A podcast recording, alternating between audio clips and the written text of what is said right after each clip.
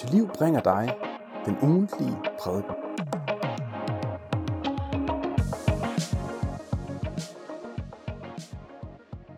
Ja, så blev ordet mit, og mødelederen har afsat halvanden minut til, at jeg må sige noget om mig selv. Vi ser, om vi kan klare tiden. Men altså, jeg hedder altså Svend Aage Jacobsen, og jeg ved ikke, jeg har på fornemmelsen, at det kan give billige point her, ved at sige, at man er sønderjyder.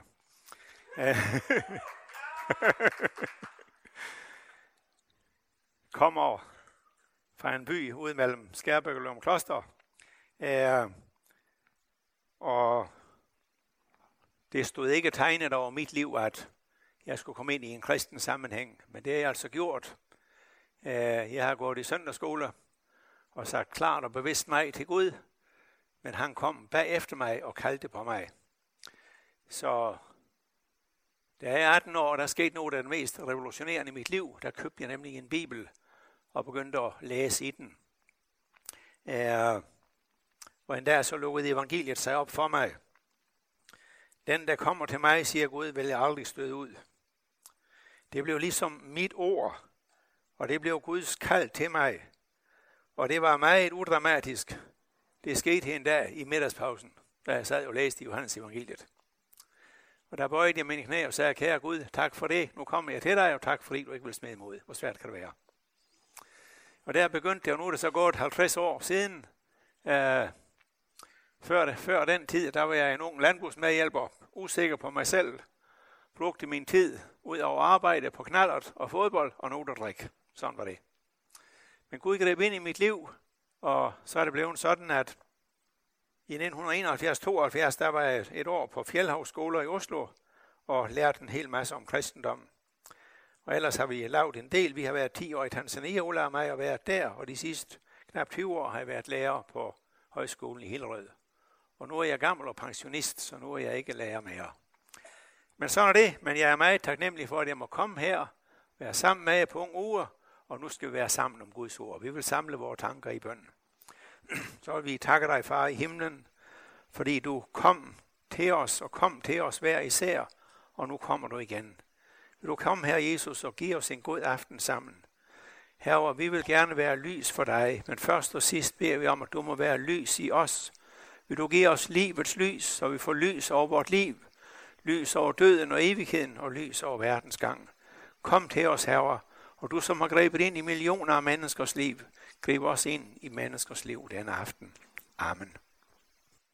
Matthæus evangel kapitel 5, vers 13-16, det er dagens tekst, og den kommer her. Vi starter med at, at læse teksten derfra, Matthæus 5 der. Og jeg vil sige det på den måde, inden vi læser, at det her det er dagens tekst, og det er så min opgave at sige noget om det.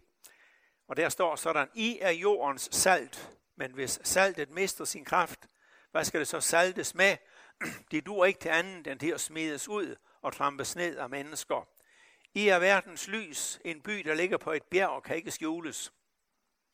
Man tænder heller ikke et lys og sætter det under en skæbe, men i en stage, så det lyser for alle i huset. Således skal jeres lys skinne for mennesker, så de må se jeres gode gerninger og prise jeres far, som er i himlene. Øh, det, som Jesus taler om her, det er jo det kristne liv.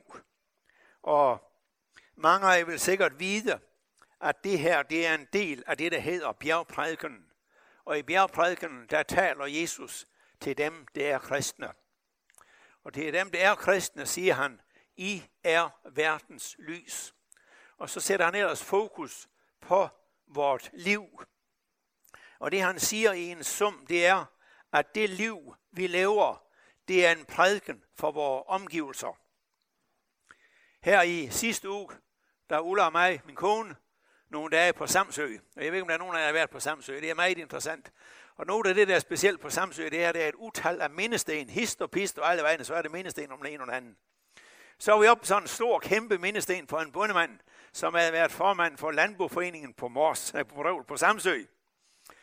Og hvad kommer det sagen ved? Der stod nemlig noget interessant nedenunder.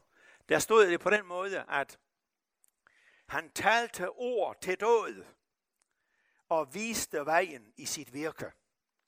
Og se, det er nemlig rigtigt. Han talte ord til død, og så viste han vejen i sit virke. I kristen sammenhæng, der taler vi Guds ord. Men hvad nytter det, vi taler Guds ord, hvis vores liv siger noget andet?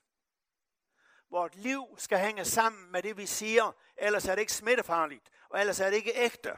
Og det er det, Jesus sætter fokus på her. I er verdens lys. Et bjerg, der ligger på et, et by, ligger på et bjerg, kan ikke skjules. Vort liv kan heller ikke skjules. Verden læser vores liv. Det skal være opmærksom på. Og så skal det være sammenhæng mellem det, vi lever og det, vi siger, for at sige det kort. I er verdens lys, står der. Og så skal I lige ødelægge det hele. Nu skal jeg lige ødelægge det hele. Og så gør jeg det sådan her. For Jesus han kommer og siger, jeg er verdens lys. Den, som følger mig, skal aldrig vandre i mørket, men har livets lys. Hvordan hænger det her sammen? I skal være verdens lys på den ene side. På den anden side, jeg er verdens lys. Hvad er hvad? Det her, det hænger sammen, ligesom solen og månen hænger sammen. Det er solen, der giver lys. Men i hvert fald i de her aftener, hvis det ikke er overskyet, så lyser månen også. I bare glæder jer til vi bliver midnat. Så lyser månen. Men månen har ingen lys i sig selv. Den spejler kun det lys, den har fået fra solen. Og sådan skal vi som kristne i vort liv spejle det, som vi har mødt hos Jesus. Sådan hænger det sammen. Og sådan har det været op gennem Bibelens historie. Dem, der har mødt Gud, er blevet mærket af det. Stærkest møder man det måske i en mand som Moses. Han gik jo op på bjerget og mødte Gud. Og hvordan havde han det, når han kom ned? Der står der, at hans ansigt strålede, så de, der så ham, kunne ikke holde ud og se på det. Han havde været sammen med Gud, og Gud havde mødt ham og printet sig sådan ind i ham, at Moses var mærket af det. Mange år senere, så kom Jesus.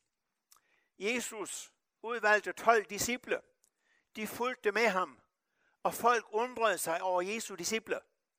For de var alle sammen det, var man kaldte ulærte mænd. Fiskere fra Galilea. Ingen af dem havde gået på rabbinerskole.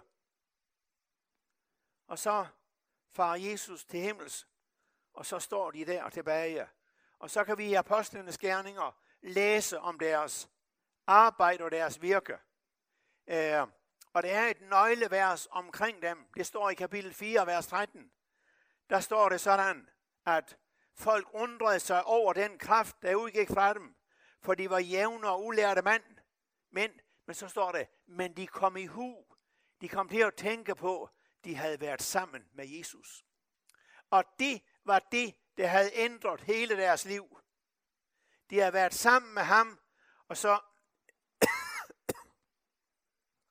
afspejlede deres liv og prædiken det, de havde mødt hos Jesus. Øh, og det er ind i det spændingsfelt, vi er sat. Senere, inden jeg går ned herfra, så vil jeg også nævne en mand, der hedder Elihu. Jeg ved ikke, om I kender Elihu. Elihu han er en af de største vidner og vejledere i Gamle Testamente. Han er vejlederen for Job. Jeg skal ikke her komme ind på Jobs bog, men Job er et fint kristen menneske, der er kommet ind i voldsomme prøvelser, og ingen kan hjælpe ham. Den ene og den anden må give op, og så står Job tilbage og må sige, hos mig selv er der ingen hjælp. Og så står han med håret i postkassen.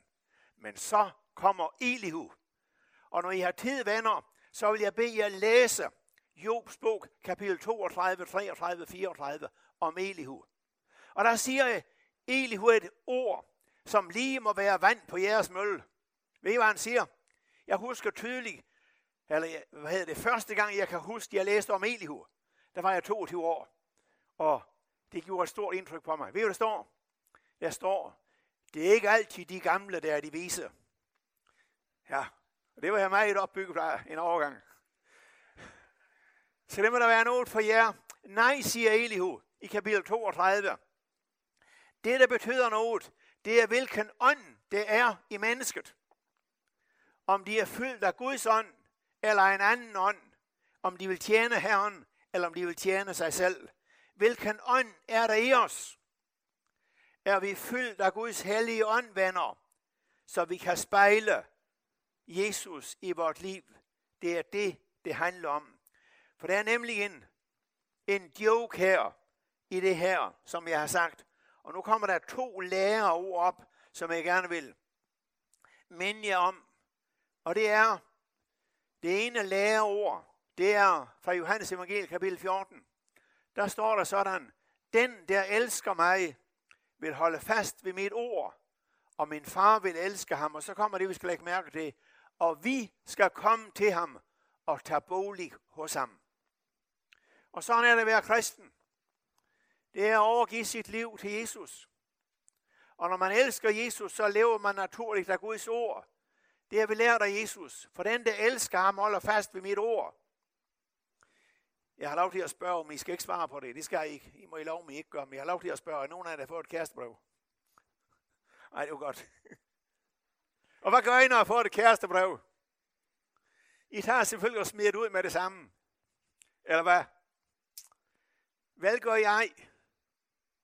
Vi læser det, og gemmer det, og læser det igen, og læser det ved sengetid igen. Ikke rigtigt? Det var det ikke. Hvad er Bibelbogen, siger Søren Kirkegaard. Hvad er det andet end Guds kæreste brev til os? Og så er vi inde i dynamikken. Den, der elsker Jesus, læser det ord. Og så kommer det, at Jesus er Gud. Vi kommer til ham og tager bolig hos ham. Og sådan er det. Så fyldes det menneske med Guds ånd. Og det menneske, der har fået Guds ånd, vil noget andet end det, det ville før. Det første, det vil, det er at være kristen. Det andet, det vil, det er at leve for Jesus. Apostlen Paulus, han havde mange medarbejdere, men han havde en medarbejder, der overgik dem alle sammen. Hvem var det? Hvem var det? Det var Timotius. Jeg har ingen med et sind som hans, der så oprigtigt vil drage omsorg for, hvordan det går jer. Alle de andre søger deres eget. Ikke det, der hører Kristus til. De vers, det rummer en dyb smerte ind over kristenheden. Der er en Timotius, der er vejleder. Mærker der Jesus. Og så tænker du, denne Timotius må være et supermenneske. Det var han ikke. Han var svag, og han var bange, og han var syg men han var mærket af Jesus. Og jeg har ingen med et sind som hans, siger apostlen. De andre søger deres eget. Jeg er bange for, at der er så mange kristne mennesker, der er alt for lidt mærket af Jesus, og i virkeligheden vil deres eget. Jo, jo, liv nok til himlen en tid, når den tid kommer, men kære Gud, kan du ikke hjælpe mig det er et godt liv nu? Og så er de slet ikke mærket af Jesus. Og hvad vil Jesus? Han vil frelse verden. Han vil frelse alle folk. Guds rige har brug for folk, der er mærket af ham, og har de her ting, ikke i teorien, men i praksis. Timotius og mange flere er fine vejledere der. Og det er det, der er ligesom er temaet for i aften. I er verdens lys, kristen lys. Vi er ikke mere lys, end vi får af Jesus. Og når det er sagt, så vil jeg diske op med et nyt læreord. Og nu vil jeg, det er lidt, gå i en lidt anden retning. Men det her, det taler lidt om Paulus og hans kald til hedningerne. Og så lægger vi mærke til, at han er sendt til hedningerne. Nu tager I det stykke for stykke. For det første, så er han sendt til hedningerne for at åbne deres øjne. Vi er sendt til verden, til folk, der åndeligt talt er blinde. Folk, som ikke har nogen åndelig forståelse. Og sådan må det være. Og skriften siger, at dem, dem, som er uden for Guds rige, i virkeligheden er fjender af Herren. Det er dem, vi skal have et ord til. Det er opgaven. Men det er mere end det. Vi må arbejde med ordet sådan, og drage dem ind i Guds rige, så de vender om fra mørke til lys, fra satans magt til Gud. Og inden jeg siger mere om det her, så tænk, tænk på det, jeg nævnte først fra Johannes 8:12. Jesus er verdens lys og den, der følger ham, skal aldrig vandre i mørke, men har livets lys. Hvad er livets lys for noget? Jamen det er logisk at lige til. Livets lys, det er lys over livet. Jeg ved, hvor jeg er fra. Jeg ved, hvorfor jeg er her. Og jeg ved, hvor jeg går hen.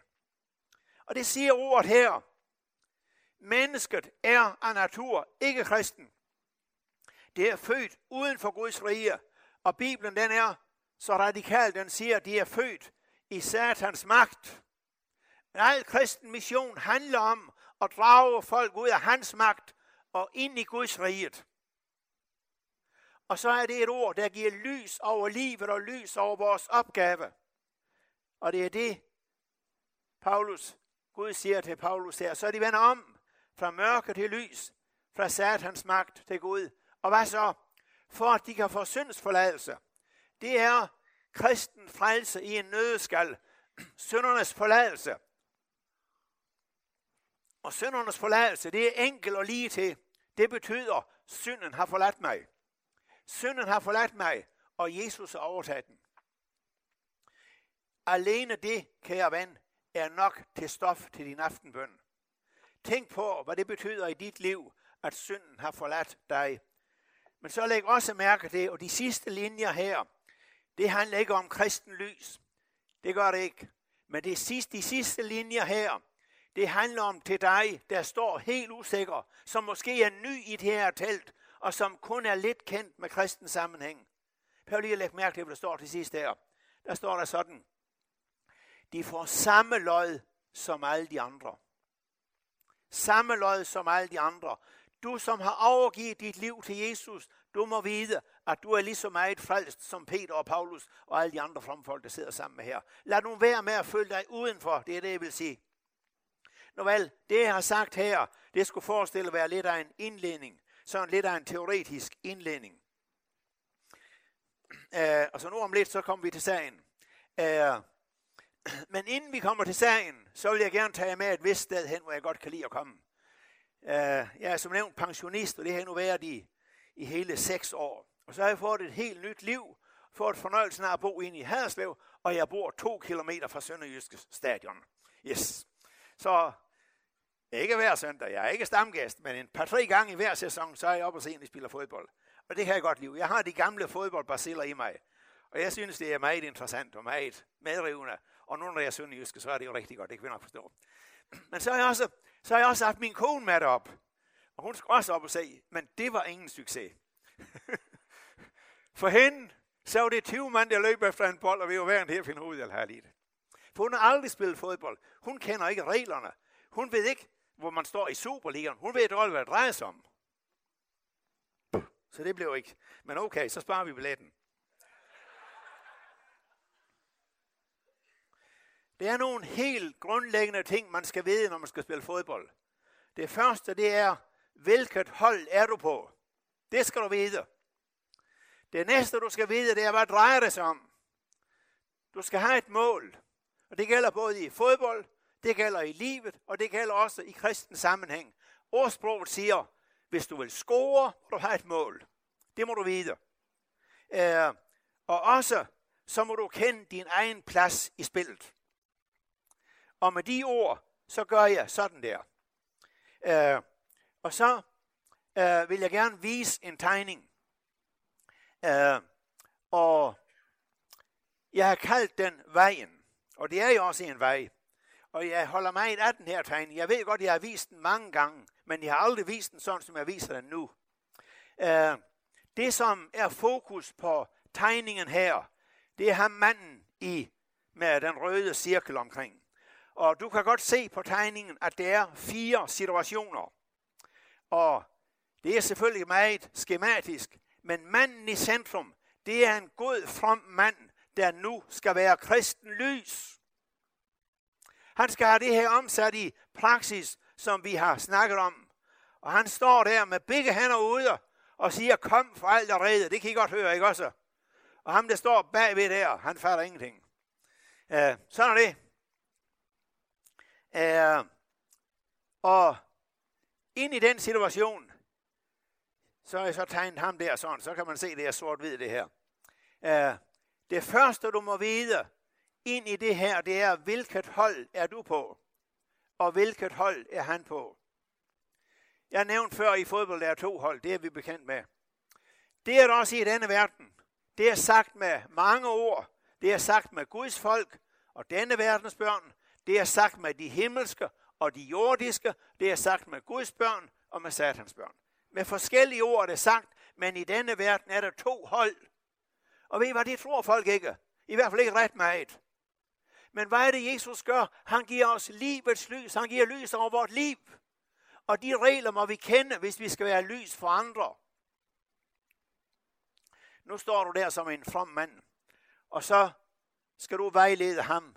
Og så må du vide med Jesu ord, med apostlenes ord, at den mand, der ikke tror på Jesus, er på vej til fortabelsen. Men ham vil du gerne være noget for. Du vil gerne vise ham Jesu kærlighed. Og så må du have et mål med ham. Det er ikke sikkert, det kan indfries i dag, heller ikke i morgen, og det kan være, at det var 50 år. Men du har et mål, og målet det er, at det menneske, han skal frelses. Han skal ind i Guds rige på en eller anden måde. Noget mindre må, ikke, må vi ikke nøjes med. Det handler om, at de frelses. Det er ikke nok, at de kommer lidt her og der og alle vegne. De må føres igennem til et personligt og afklaret gudsforhold. Og hvad er din opgave? I hvert fald her på tegningen, jamen så er han i hvert fald evangelist for ham. Øh, og det er lidt med forskel på det der, og det skal jeg ikke sige mange ord om lige nøjagtigt nu. Men så vil jeg godt gøre sådan. Det var så ligesom nogle indledende ting om det. Øh, hvordan er man? Hvordan er man lys for sådan en mand? Og der nævner jeg så det første. At hvis du skal være noget for ham, så må du have kontakt med ham. Og det må du vide. Skal du være lys for andre, må du have kontakt med dem først. Ingen kan være lys for alle, overhovedet ikke. Det kan være, det er en, du skal være optaget af. En klassekammerat, en arbejdskammerat, familiemedlem, hvad ved jeg. Det kan være, det er et menneske, du skal være optaget af. Det skal jeg slet ikke sige. Og andre, det er ligesom i en anden situation. Men det handler om, at du får kontakt, og du ved, hvad du vil. Og det er vigtigt, at man er opmærksom på det der. Jeg har jo hørt masser fra fremme kristne folk siger, jamen de ved jo, hvad man er, og de ved jo besked, så de kan komme og spørge, hvis de vil noget. Nej, det er for billigt. Du må bevidst være optaget af de her ting. Jeg læste i en klog bog, en mand, der sagde, en kristen må være et menneske, der tager det første skridt. Du må bevidst søge kontakt med den eller den. Det lægges hen til dig. Uh, det andet, det er, at du må have kærlighed til ham. Uh, eller jeg skal lige, jeg skal fortælle, jeg glemte lige, jeg skal fortælle en historie. Og det er, jeg kan godt lide at fortælle historier. Men nu vil jeg gerne fortælle en dårlig historie. Nu synes jeg, at jeg fortæller nogle gode, så jeg kan godt fortælle en dårlig. uh, og jeg håber, den er meget sigende. Den er i hvert fald rigtig. Uh, og det er længe siden, men jeg ved, at den er sand. Hvor der var et menneske, cirka på min alder, der kom i en ungdomskreds et sted, en from LMU-kreds. Og vedkommende kommer der til møde første gang, kender, kender ingen og sidder, og der sidder folk ved siden af, men vedkommende, der sad ved siden af ham, sagde ingenting til ham. Og han spørger og kommer ikke i kontakt, men ingen kontakt. Og det var vedkommende lidt skuffet over og ked af, for vedkommende sidemand snakkede med alle de andre, men ikke med ham. Nå, man må jo være kedelig. Uh, men så var det sådan, at vedkommende skulle slutte aftenen. Og det var også udmærket. Og så foreslog vedkommende, at de skulle synge en sang, som står her på nummer. Nu står den i hvert fald på nummer 686 i sangbogen, vi har nu. Så blomster og blomster vil spire. Længere frem i sangen. Så kærlighed om dig til alle. Dum, dum, dum, dum, dum, dum. Og det sagde vedkommende noget om. Og jeg så siddet og snakket, siddet ved siden af en og ikke sagt et ord til ham. Og det gjorde et voldsomt indtryk på vedkommende. At det vedkommende sagde, hang overhovedet ikke sammen med ens liv. Nu vel, vedkommende, som kom der, som jeg fortæller om, var et kristen menneske og overlevede det. Men kan du ikke se, at du som ikke-kristen kom ind til sådan et møde og hører det? Når sådan er kristen, der er ingen sammenhæng i det. Det var en dårlig historie, men du fik fat i budskabet.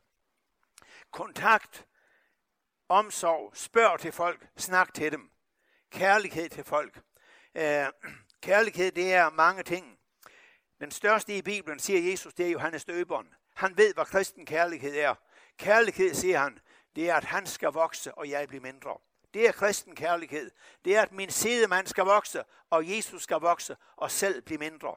Der er masser af folk, også i kristen sammenhæng, de kan godt lide at være store på den. Men det er ikke fra Gud. Det er det gamle menneske, der spiller menneskene i pus. Jesu ånd må være i os. Han skal vokse, men jeg bliver mindre. Det største menneske, det er den, der gør andre store. Kærlighed, siger, siger Peter, det er den, der skjuler mange synder. Du skal ikke udlevere, når du har kontakt med et menneske, og hvad vil jeg, snakker med dem og så videre, så skal du ikke fortælle vedkommendes vanskeligheder og nederlag til andre. Det holder du for dig selv. Det er et godt dansk ordsprog, der hedder, at man skal ikke sige alt, hvad der er sandt, men alt, hvad man siger, det skal være sandt. Der er en stjerne i Gamle Testamente, som forstod sig meget lidt på det her, i hvert fald en tid. Og stjernen, det er Josef, søn af Jakob, der igen var barnebarn af Abraham. Jakob fik 12 sønner, og det sidst, næst sidst fik han Benjamin. Og Benjamin var måske lidt klogere og lidt dygtigere end de andre, og så var han fars yndlingsdreng. Og det var det ikke noget at gøre ved. Så han blev ligesom, han fik sådan fint tøj, det betød, at han skulle holde opsyn med de andre. Og det kan godt være, at Josef har haft et bedre hoved end andre. Det kan godt ske. Men Josef havde ikke kærlighed til folk. Prøv at læse teksten i 1. Mosebog kapitel 37. Kan du huske, hvad der står om Josef? Det står, han fortalte sin far det onde, de gjorde. Det er en rigtig god måde til at splitte et venskab på. Så et eller andet sted, så kan jeg godt forstå, at brødrene blev sure på ham og solgte ham til Ægypten. Det kan jeg faktisk godt forstå, for han var selv ude om det. Det er der, og det er, jamen det var han. Og der er nogle folk, de er så kloge og så vellykket, men de har ingen kærlighed og ingen forståelse, så når du er sammen med dem, så føler du dig lille og dum og meget mere. Det var Josef. Men så blev han sendt på højskole. Det var til Ægypten. Uh, det han kom til Ægypten, og så kender I sikkert historien. Han kom ned til Potifar, og det var ingen succes. Og så snart kom efter kommer han i fængsel, og alt tyder på, at han har siddet 12 år i fængsel. 12 år i fængsel. Så kunne han jo lære det. Og så sker der en hel masse ting, og han kommer ud, og så bliver han den store mand. Men det er noget helt afgørende om Josef. Og det er fortalt i og med, at han bliver gift, og så får han to børn. Kan I huske, hvad Josefs to børn hedder? Den ældste hed Manasse, og den yngste hed Efrem. Ved I, hvad Efrem betyder? Efrem, det betyder, Gud har gjort mig frugtbar i min ledelse. Igennem al sin modgang og alt det hele, så blev Josef frugtbar. Det var han ikke før, da han gik derhjemme. Men højskoleophold der, det hjalp ham helt gevaldigt. Det var på den etårige med tillæg. Men ved I hvad? Det er ikke alle kristne, der bliver frugtbare. Og det er heller ikke alle, der bliver frugtbare gennem ledelse. Og jeg vil så gerne sige det her, venner. Sig det på en sådan måde, at det afføder en bøn i jeres hjerter. Kære Gud, må jeg være et frugtbart menneske, der lever for dig, og ikke for mig selv eller andre. Kærlighed til folk, det er at ophøje andre og hjælpe dem ind i Guds rige. Og så må du have kendskab, hvis du skal være lys for manden der, så må du have kendskab til de der grundregler, som jeg har snakket om. Øh, og så tager vi, går vi et skridt længere frem i teksten. Nu forudsætter vi, at de har fået kontakt, og de er blevet venner med hinanden. Og nu står den fromme mand der, og skal hjælpe ham videre på vejen. Og der vil jeg gerne nævne nogle stikord. Der fik vi så den anden op for, så kan vi se forskel på dem.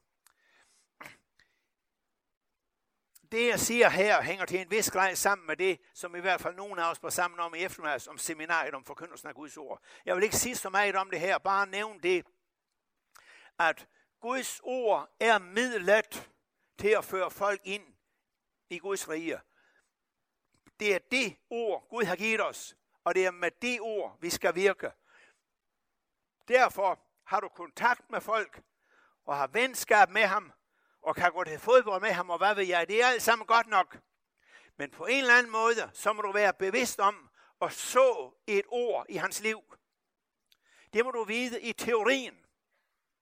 Men det er ikke så let. Det er ikke så, du skal ikke gøre det lige med det samme. Du skal vente på det rigtige øjeblik. Selv den fromme Paulus, han bad folk om at sige, bed om, at Gud vil åbne en dør for ordet. Og det må du bede om for din kammerat, din ven og hvad ved jeg. De må bede om, at der må blive en anledning til at jeg kan sige et Guds ord. Men når det er sagt, så tænk lige på en ting. Tænk på en ting, kære venner, det er, tænk på at have gode bibelord på lager. Så hvis anledningen gives, hvad vil jeg så sige? Tænk på det, så du er vel forberedt. Ha' nogle ord på lager, du kan sige i en given situation. Du behøver ikke at kunne hele Bibelen uden at et par bibelvers eller fem kan gøre underværker ret brugt. Uh, og så vil jeg, det her det er jo en strofe af en sang af Lina Sandel. Sig dem blot, hvad du har fundet. Tal blot om, hvad selv du så. I vort kristenliv og vort liv med andre, så langt som det er naturligt og ægte, må du gerne fortælle om, hvad Gud har gjort i dit liv. Ikke hyklerisk, men heller ikke skjult. Og det er ikke altid så let at gøre det ret. Øh, uh, ja, uh, jeg tænker på, uh, på en ven, jeg havde, og fin fyr. Han var helt opmærksom på de her ting. Han havde så fået en ven, en helt ikke-kristen ven, som var begyndt at gå med til møder og sagde, og var sådan interesseret. Og jeg er usikker på, om det har været på Bibelkampen, ellers har det været et andet sted.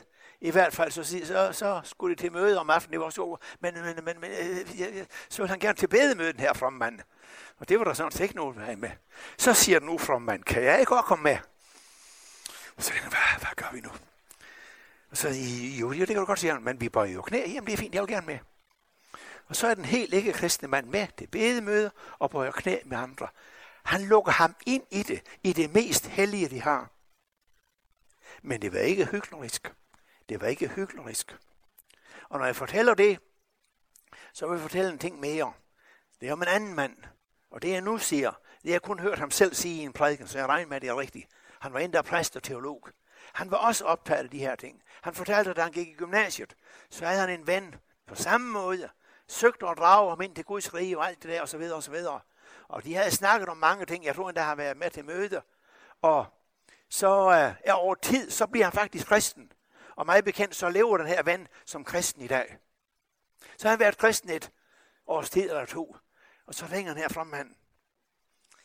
Du var... Øh, nu synes jeg, han kendte ham godt. Hvad, øh, hvad var egentlig det helt afgørende? Hvad var egentlig det helt afgørende i, at du blev kristen?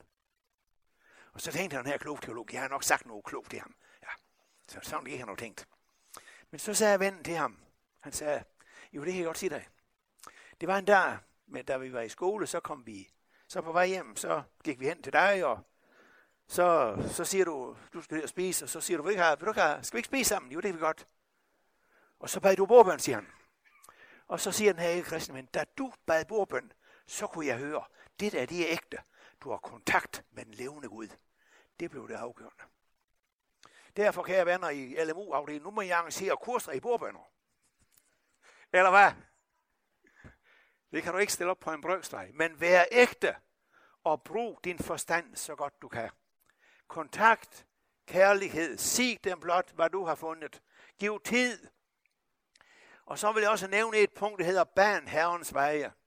Uh, og det vil jeg sige på den måde, at uh, den mand, der har lavet den tegning der, har jeg stjålet i en bog, som hedder sådan der. Jeg skrev der en nordmand, og han fortæller her lidt om sit liv, øh, som jeg synes er meget interessant.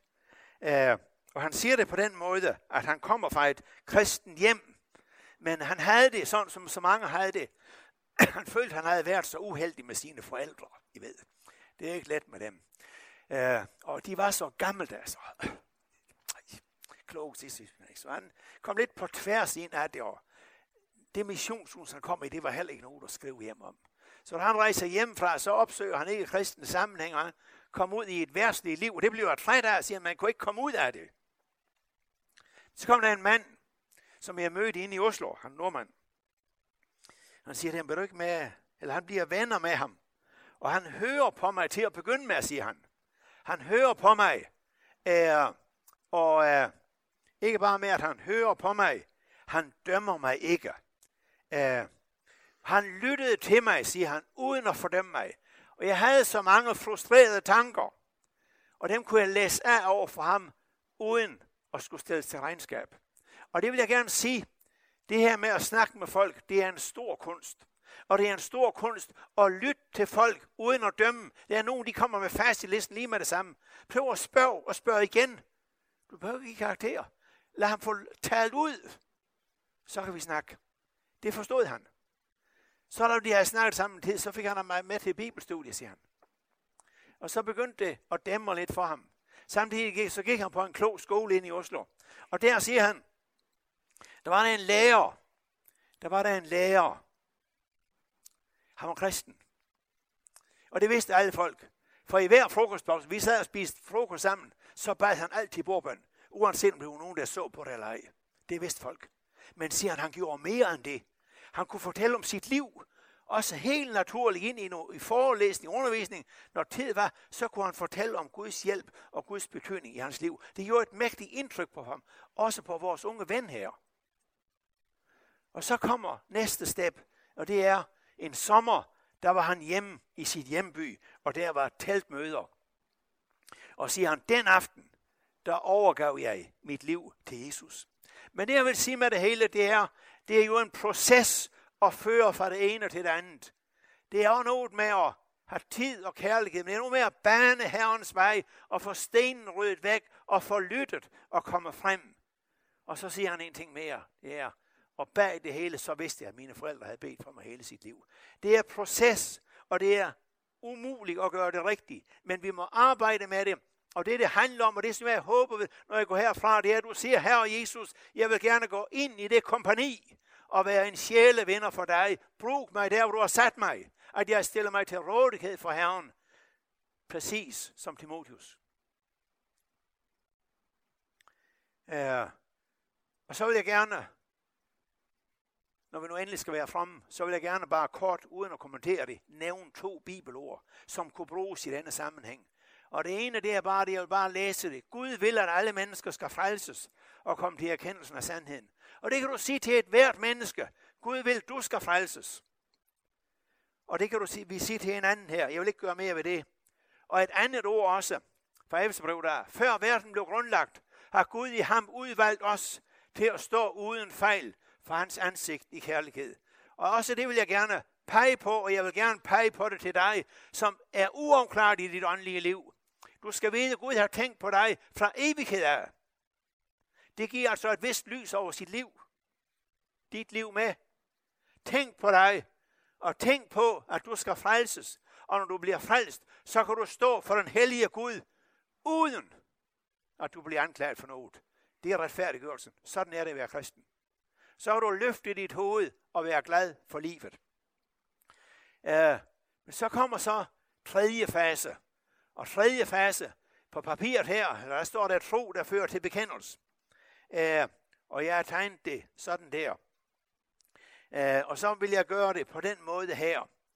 Tag det ord frem, som jeg også nævnte i eftermiddags. Det er fra Moses. Jeg har stillet dig over for livet og døden. Så vælg dig livet. Når vi er sammen om Guds ord, også nu, så skal der lyde en invitation til Guds frihed, og der skal lyde en invitation, som du skal svare på. Du må sætte folk i et valg. Det må du være bevidst om, men det er noget, du må være mindst lige så meget bevidst om, og det er, du kan ikke vælge for andre. Du kan ikke vælge for andre. Et hvert menneske må vælge selv. Når vi kommer op til tredje fase, så er der gået nogle ting forud. Der er brugt mange ord om det. Paulus han siger et sted, jeg plantede, Apollos vandede. Men hvad er så det tredje? Jeg plantede, siger han, Apollos vandet, og så det tredje. Men Gud ikke vækst, tak siger her. Den indre vækst, den kommer fra Gud. Det kan jeg ikke. Jeg kan være god ved ham. Jeg kan vise kærlighed. Jeg kan bede for ham men jeg kan aldrig vælge for et andet menneske. Men du må sige til et menneske, du må vælge. Og det ringste valg, man kan vælge, det er at vælge, ikke at vælge. Så vælg der livet. Og det er også igen det, jeg siger her, går der også et kald. Og det er kaldet til at leve for Herren. Når du går hjem, så sig det til Herren, jeg vil gerne leve for dig. Vi hører altså Herren til, hvordan vi lever eller dør. Det vil jeg gerne og giv Gud, at jeg må være et frugtbart menneske, og ikke ufrugtbar og meget mere. Men så læg mærke til, Så nu vil jeg lige gøre sådan der. Øh, og så vil jeg have et Jesus citat ind. Det er fra Lukas 13. Det er da Jesus redder ind i Jerusalem. Der siger han det på den måde. Hvor ofte har I ikke vil samle jer, som hønen samler kyllingen under sine vinger, men I ville ikke. Og hvad gjorde Jesus af? Så sagde han, så tager vi almagt ud, så kom vi med en maskinpistol i uenig Guds rige. Hvad er det, han sagde? Nej, hvad gjorde han? Han græd over det. Og selv den almægtige er magtesløs her, for man kan ikke vælge for andre folk. På godt dansk, der siger vi, at vi kan trække hesten til vands, men vi kan ikke tvinge til at drikke. Det er det, vi kan gøre. Men her omkring, der er der en åndskamp, og det er derfor, der er det billede der. Og jeg er sikker på, at der er mange, der kender åndskampen. Kender åndskampen, når Herren har kaldt på jer. Skal jeg overgive mig til Jesus eller ikke? Og mange flere ting. Kender åndskampen, for det er en åndskamp her. Jeg vil gerne sige den samme ting her med et ord af Jesus. Sandelig, sandelig siger jeg, den der hører mit ord og tror ham, som sendte mig, har evigt liv og kommer ikke for dommen, men er gået over fra døden til livet. Og det er det, der sker her. Du går over fra døden til livet. Og så en ting mere. Husker du, husker du ordet fra øh, Matthæus brev, Apostlenes Gerninger 26, 18? Husker du det? Opgaven til Paulus, hvad var hans opgave? At kalde folk fra mørke til lys, fra satans magt til Gud. Og så tænkte du, op, op, op, det er bare ord. Men jeg kan love jer for, det er ikke ord. Det er leven åndsmagt. Og at hvert menneske, der er stået ind i valget, kender de her ting. Der mærker du den onde, han giver ikke slip. Godvilligt. Det er kun hos Jesus, der kommer ud af hans klør. Og det er kun hos Jesus, der får lys over dit liv. Og så kalder han på os. Og så er det nådens tid. Og så vil jeg gerne sige det med det her ord, nemlig det, at den, der hører ordet og tror ham, der sendte mig. Du ved præcis, hvordan du har det. For hører du ordet og tager det til dig og beder om, at det må være dit, så har du det, som ordet siger. Men tænker du bare, at du skal overveje det ved en anden god gang, så pas på, at nogen ikke snyder dig. Det siger Jesus selv. Og så er vi derhen, og nu skal jeg til at slutte. Jeg skal kun sige to ting. Fordi nu er man så, nu er det så, nu er vi så derhen i tredje stadie. Nu har du et, en erfaren kristen, der vandrer med en ny kristen. Uh, og det er heller ikke så let. Og ind i den sammenhæng, så har jeg bare igen lyst til at nævne Elihu, som jeg sagde før. Elihu blev Jobs redningsmand. Kapitlerne 32-34 i Jobs bog er rigtig dejlig evangelisk læsning. Et par nøgleord fra Elihu. Gud har skaffet løse penge og gengiver mennesket dets retfærdighed, siger han. Det her ord gengiver er kun brugt det her ene sted i hele Bibelen. Men det er præcis, hvad det er at være kristen. Det er, at Gud gengiver mennesket dets retfærdighed. Og det er den retfærdighed, et menneske havde i paradiset før syndefaldet. Det er det, der serveres til gave, som gave til enhver, der tager imod det, fordi Jesus har skaffet løse penge. Det siger Elihu til Job. Og så prøv at tænke på, hvem Job var. Job, det var den store, fine kristne mand, men han var kørt træt i det. Men Elihu begynder ved fundamentet en gang til. Men så kommer der noget andet, som Elihu synger, siger, og her vender folk nu ørerne godt ud. Hvad er næste step, når du er kommet med på vejen? Det er det her. Han synger det ud for mennesker. Jeg syndede og gjorde, hvad der var uret, men Gud gengældte det ikke. Sig til din ven, at når du har overgivet dig til Jesus, og tiden er kommet, så tal om det og bekend det. Bekendelsen har altid spillet en rolle, men bekendelsen og vidnesbyrd er stærk faldende i mange sammenhæng hos os. Jeg har holdt møder i Indre Mission, og der er nogle steder, man er meget mere villig til at vidne om Jesus, end vi er. Og vi jeg savner det, venner, at vi synger det ud. Jesus har frelst mig og givet mig et nyt liv, og nu vil jeg leve for ham og kan opfordre jer til det. Det kommer helt fra Elihu, og han står som den store vejleder. Hør på det, venner, og bed om, at I må lære noget af det. Paulus han siger i Nyt Testamentet, læg vægt på at tale profetisk. Anstreng jer for det. Har et bibelord til at sige til de andre, til du kan opbygge det. Det lærer vi fra Elihu. Og så rundes ringen. Han fritog mig fra at gå i graven. Det betyder i Elihus sprogbrug, jeg er fritaget at gå fortabt. Jeg lever og ser livets lys. Husk hvad Jesus sagde, jeg er verdens lys. Den, der følger mig, skal aldrig vandre i mørket, men har livets lys. Elihu forkynder det. Og så er vi derhen, og så er ringen sluttet. Og så er jeg færdig, og så vil jeg gerne rent personligt komme på banen og sige mange tak, fordi jeg må komme her og være med på unge uge. Og så vil jeg gerne bare sige et bibelord til jer venner, som er mit bibelord, og som jeg vil ønske for jer.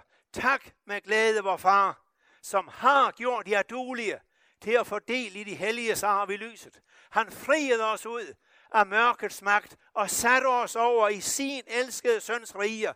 I ham har vi forløsningen, søndernes forladelse. Er det ikke dejligt? Halleluja! Jeg begyndte som en fattig landbrugsmedhjælper, der var usikker og gik op i fodbold og knald og drikkeri. Og så har Jesus givet mig et helt nyt liv og håb om evigheden. Kan det blive bedre? Lad os bede. Kære far i himlen, vi vil gerne takke dig for dit vidunderlige evangelium.